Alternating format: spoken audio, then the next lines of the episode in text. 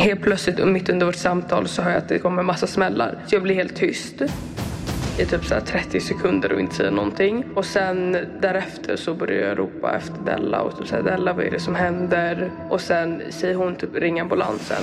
En sak är jag helt övertygad om. Vi har ett bra rättssystem i Sverige. Ett system baserat på grundläggande demokratiska principer. Det är domstolen och inga lynchmobbar som avgör om en person är skyldig eller inte. Det är åklagarens sak att bevisa skulden. Det är försvarsadvokatens jobb att knäcka den bevisningen. Jag heter Hasse Aro. Välkomna till min podd Fallen jag aldrig glömmer.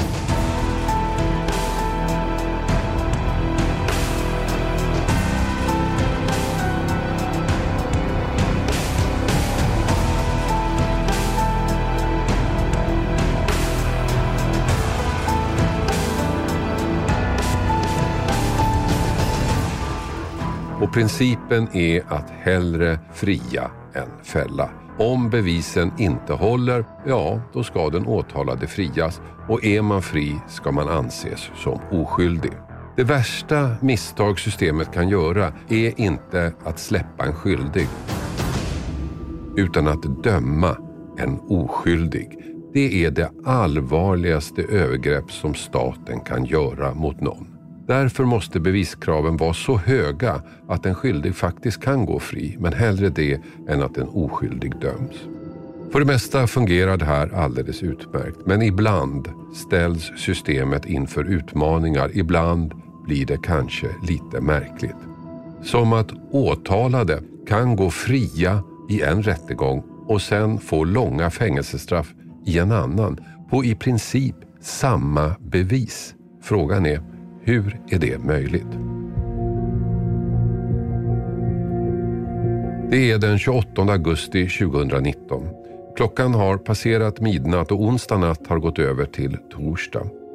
20-åriga Amina i Fisksätra pratar på Facetime med sin väninna Della Jack.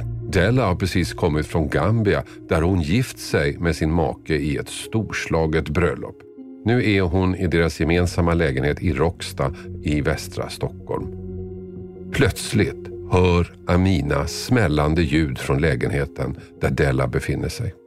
Eh, vi pratade på Facetime för att det var min födelsedag så vi pratade om vad som skulle hända på morgonen. Eh, och sen så ehm, helt plötsligt mitt under vårt samtal så hör jag att det, smäll, att det kommer massa smällar. Så jag blir helt tyst i typ så 30 sekunder och inte säga någonting. Och sen därefter så börjar jag ropa efter Della och typ säga Della vad är det som händer? Och sen säger hon typ ring ambulansen och då lägger jag på och då ringer jag 112. Någon eller några står utanför fönstret och skjuter rätt in i lägenheten. 38 skott sammanlagt. 19 av dem träffar Della. Hennes nyblivne make står i badrummet och borstar tänderna. Han springer ut i sovrummet samtidigt som kulorna fortsätter att vina in i rummet. Han drar ner Della på golvet och försöker rädda hennes liv, men förgäves. En Della dör i rummet 18 år gammal. Jag har dödat min fru, skriker mannen på mordplatsen när ambulansen kommer. Till polisen säger han, det var mig de var ute efter. Della Jack växte upp i Fisksätra, ett miljonprogramsområde mitt mellan överklassorterna Saltsjö-Duvnäs och Saltsjöbaden öster om Stockholm. De fyrkantiga mångmiljonshusen står i bjärt kontrast till grönområdena och havet som finns runt omkring dem. I det här området växte Della upp. Amina var en av hennes barndomsvänner, liksom Emilia. De tillhörde alla samma tjejgäng. Emilia, hur, hur kände du en Della? Jag lärde känna Della i årskurs tre, tror jag. Eller fyra, jag kommer inte riktigt ihåg. Vi gick i samma skola. Mm. Och eh, Vi blev typ vänner direkt. Det var hon som introducerade mig till de andra vännerna också. Så ni hängde, ni två och Della hängde i samma tjejgäng? Ja, ja det gjorde vi. Varje dag. Så i maj förra året träffar Della en man som ska bli hennes make. Hon blir kär och allt går väldigt fort. Hon sa att hon hade träffat en man och eh, ja, att hon skulle gifta sig. Hon vill ju alltid som sagt se det bästa i människor. Och hon ville liksom få personen att bli den bättre versionen av sig själv. Så hon berättade bara att hon hade hittat, eh, eller träffat en kille. Men det gick ju väldigt fort. Ja, men ibland så blir man väl kär. Då går det snabbt. Hur tänkte du om det här? Jag var jätteglad för hennes skull såklart. Jag var jätteglad att hon hade hittat eh, en man som hon var kär i. Han är nästan 20 år äldre och dömd för flera brott sedan tidigare. Han tillhörde ett kriminellt nätverk i Brandbergen som omsatte hundratusentals kronor på narkotikahandel i Stockholm. Han var väl känd av polisen vars underrättelsetjänst i Stockholm syd varnade för honom. Han bedöms baserat på sitt våldskapital, sitt aggressiva hänsynslösa beteende samt sitt kriminella nätverk utgöra en hotdrivande faktor, skriver de i en rapport. Men Della blir kär i honom, de inleder ett förhållande som snabbt växer i styrka och det bestäms att de ska gifta sig redan i augusti. Och det är där, på bröllopet, enligt polisutredningen, som någonting händer. Något som kommer att avgöra Dellas öde. Mordet på henne väcker naturligtvis stor uppmärksamhet. En ung kvinna skjuter med automatvapen genom fönstret till sin bostad. För Amina och Emilia blir det en avgörande händelse. Vi hade ju en minnesstund som var ganska, den höll på i en månad och så hade vi så klottrat hennes namn och så hade vi ljus. Och sen någon månad efter det så um, samlades vi alla på torget och knöt um, så band för hur många personer som har gått bort eller typ så här, blivit skadade på grund av vapen. Och så knöt vi dem på bron i hela Fisksätra och sen så släppte vi upp riselyktor för att liksom uppmärksamma att det är väldigt många som går bort och blir allvarligt skadade på grund av den här kriminaliteten och gängkriget. Men det är en sak som är alldeles glasklar för alla. Det är det att Ndella var inte det tilltänkta offret. De som sköt var inte ute efter henne, de var ute efter hennes man. Den kände kriminelle, den dömde brottslingen. Och för polisen innebar detta ett problem. Mannen har nämligen väldigt många fiender. Vem av dem är det som har slagit till nu? Alltså det påverkar ju mitt liv. Eftersom jag hörde skotten, alltså så fort jag hör en smäll så blir, får jag panik typ att huka mig ner. Eller ser jag en bil åka förbi då är jag så här paranoid. Är det för mörkt så, är så här, vill jag typ att min pappa ska möta mig. Jag är ju rädd. Även fast jag vet att jag inte har någon koppling till det. Men jag är rädd att bli ett till oskyldigt offer. En dryg vecka efter mordet sker ännu en skjutning. Den här gången i området Alphyddan i Nacka. Flera skott avlossades från en bil. Skotten flög över ett stort område. En ung man, en student, träffas i ögat av en kula som slår igenom hans fönster och han förlorar synen på det ögat. En annan man, en taxichaufför, träffas i ryggen och skadas svårt. Och Det tar inte lång tid för polisen att förstå att det finns ett samband mellan de här två skjutningarna. För passageraren i taxin vars förare blev skjuten är ingen mindre än Dellas make. Återigen är han på plats. Återigen är han måltavlan och återigen klarar han sig. Det blir en lång och komplicerad utredning men allt eftersom den växer börjar polisen få en klarare bild av vad som hänt och vem som ligger bakom. Det visar sig inte vara någon av makens alla fiender. Det visar sig vara hans vänner. När poliserna är klara med sin utredning och när åklagaren väcker åtal presenterar de sin historia om hur de anser att allt har gått till. Och så här ser den historien ut.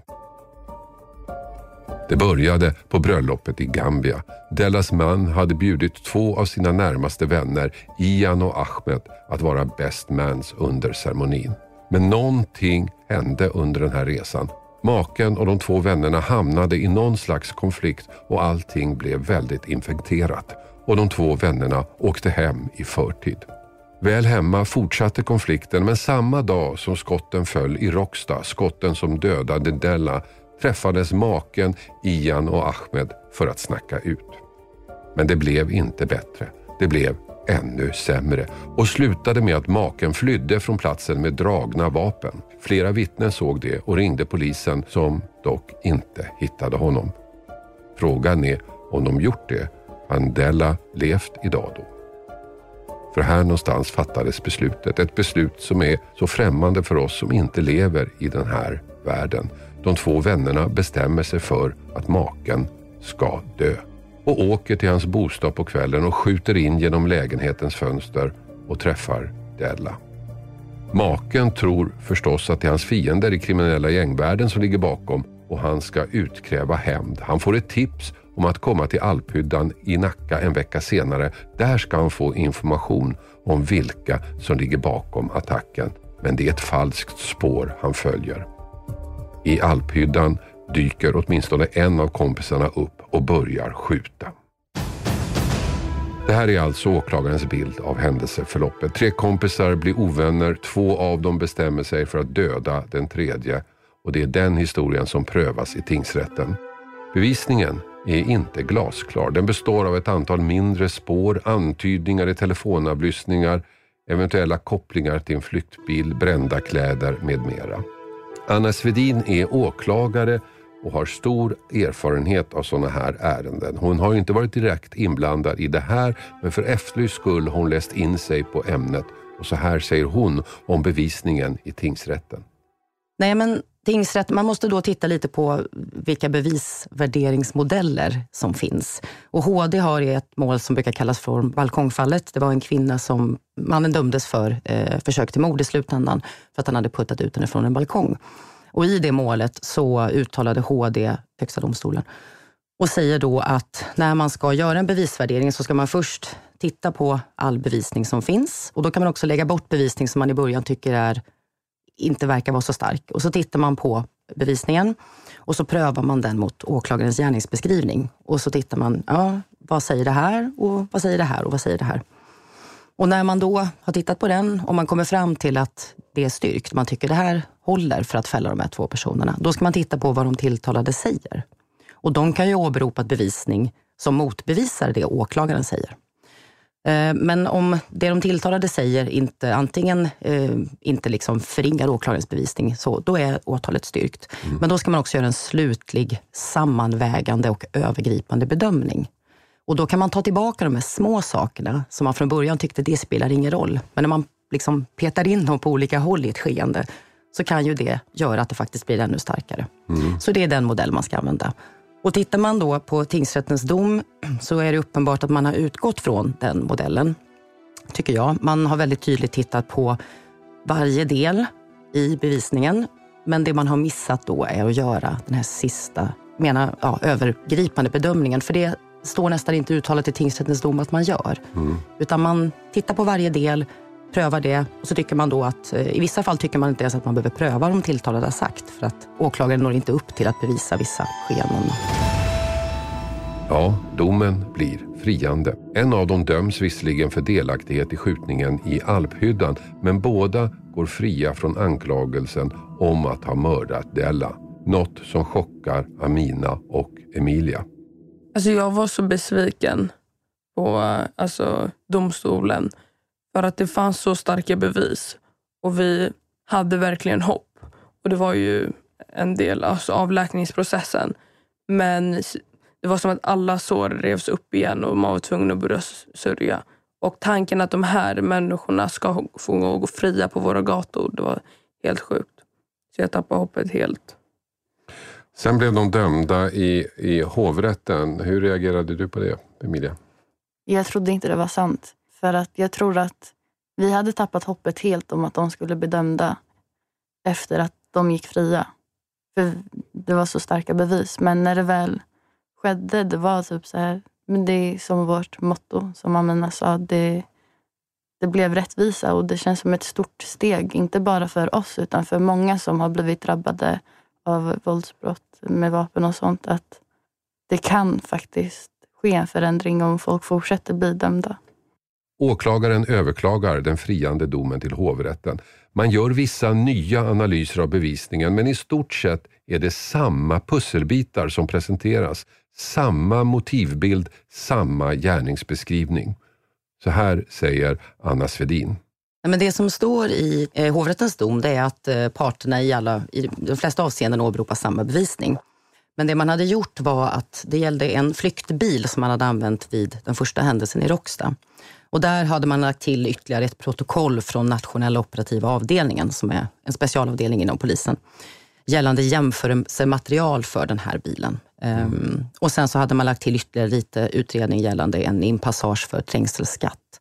Men om man läser domen sen så verkar det inte som att det var helt alltså avgörande, utan det hovrätten gör är att de, de gör en övergripande bedömning mm. i slutet, till skillnad från tingsrätten. De lägger det här pusslet och tycker att ja. men den här bilden håller. Exakt, och de säger i domen att, nu blir det lite juridiska då, men mm. att det de, det de pratar om att det är indirekt bevisning i det här målet.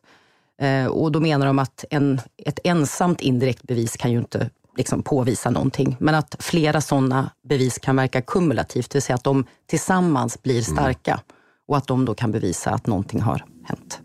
Det är alltså i princip samma föreställning två gånger. Samma bevis, samma argumentation, samma försvar. I den ena rättegången frias båda och är oskyldiga. I den andra är de skyldiga och spärras in på 12 respektive 16 år i fängelse. Lång tid. Hur kan det bli så olika? Ja, men som åklagare kan man ju vara tacksam för att det, det sker en ändring i hovrätten då till de tilltalades nackdel, för jag tycker att den här utredningen är bra. Ehm, men, men det är ju därför vi har flera instanser. Vi har tingsrätt, vi har hovrätt. Och i hovrätten så är det ju fler lagfarna domare, vilket gör att man ehm, liksom bedömningen hamnar på fler huvuden om man säger så. Mm. Det är inte bara, i, I tingsrätten är det ju en lagfaren domare och tre nämndemän. Och eh, då, då är det ju den domaren som ska stå för den juridiska bedömningen. Um, och vi är människor, jag som åklagare är också människa. Det här är bedömningsfrågor. Och vi, man kan ju utarbeta hur mycket metoder som helst för att göra bevisvärderingar, men i slutändan så är det människor som gör bedömningarna och det kan man inte komma ifrån. Och då blir det ju så här. För Amina blev rättegångarna en besvikelse. Även om de två fälldes till slut fick hennes tilltro till systemet sig en törn. Alltså jag tycker att det är förfärligt för att jag tycker att alltså, tingsrätten, polisen och åklagaren ska samarbeta. Men det känns som att de inte gör det. Det känns som att det är en sån stor klyfta. Det känns som att tingsrätten gör sitt, kör sitt egna race. För att det är så många som blir friade i tingsrätten men sen blir dömda i hovrätten. Och varför det är min fråga. Vi har ett jättestort problem i Sverige när det gäller gängkriminaliteten och den här tystnadskulturen. Men det är klart att ingen kommer vilja prata för att man är rädd sen att bli skjuten. Och att när folk väl har pratat och vittnat så går folk fria. Så vad är det Sverige egentligen vill att vi som bor i det svenska samhället ska göra? Blev din syn ändrad när, när det blev en fällande dom sen i nästa instans? Alltså, min syn är inte helt ändrad för att det är fortfarande folk som går fria och det är fortfarande folk som inte har blivit eh, dömda. Men det känns som att det här är ett jättestort steg och det kommer öppna flera dörrar. Och Det här kan vara början på alltså en förändring. Men sen tycker jag inte att någon ska behöva gå igenom två rättegångar. För Det är väldigt jobbigt att sitta där överhuvudtaget och behöva gå igenom det två gånger. Det är inte alltså, mänskligt. Jag tycker ingen människa ska behöva gå igenom det. Den här typen av brott som Della drabbades av blir allt vanligare. Olika former av gänguppgörelser som eskalerar och kräver allt fler offer. Allt fler döda människor som egentligen inte har något som helst med konflikten att göra. Allt större otrygghet. Vi läser och vi hör mycket om hur det är i de särskilt utsatta områdena. För de flesta av oss blir det något vi kan oroa oss för i mer generella termer. Men för Amina och Emilia är det vardag och verklighet. De bor i ett särskilt utsatt område. De lever i den otrygghet vi andra räds. Jag vill ju bli polis och jobba inom där och verkligen kämpa för att det ska bli en förändring. För att jag känner att jag kan inte bara sitta och klaga och tycka att ja, men det här är fel. Och det är svårt att åstadkomma mer förändring alltså själv. Men jag tycker att varje människa, ifall man försöker, så kan man komma någonstans. Vad säger du Emilia, hur ser dina framtidsdrömmar ut? Um, förut ville jag faktiskt bli en advokat, men efter rättegången så fick jag lite insikt och jag förstod att jag vill inte tjäna pengar på andras förluster och andras skador. Så jag har ändrat mig och jag tänker faktiskt bli en sjuksköterska.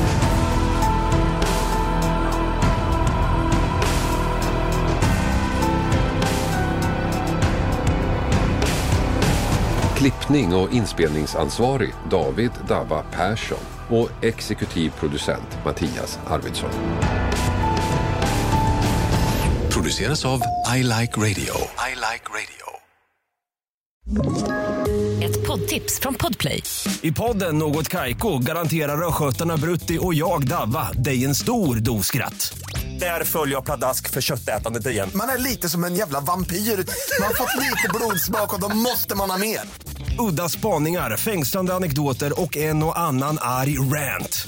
Jag måste ha mitt kaffe på morgonen för annars är jag ingen trevlig människa. Då är du ingen trevlig människa, punkt. Något kajko, hör du på Podplay. Därför är gardinerna.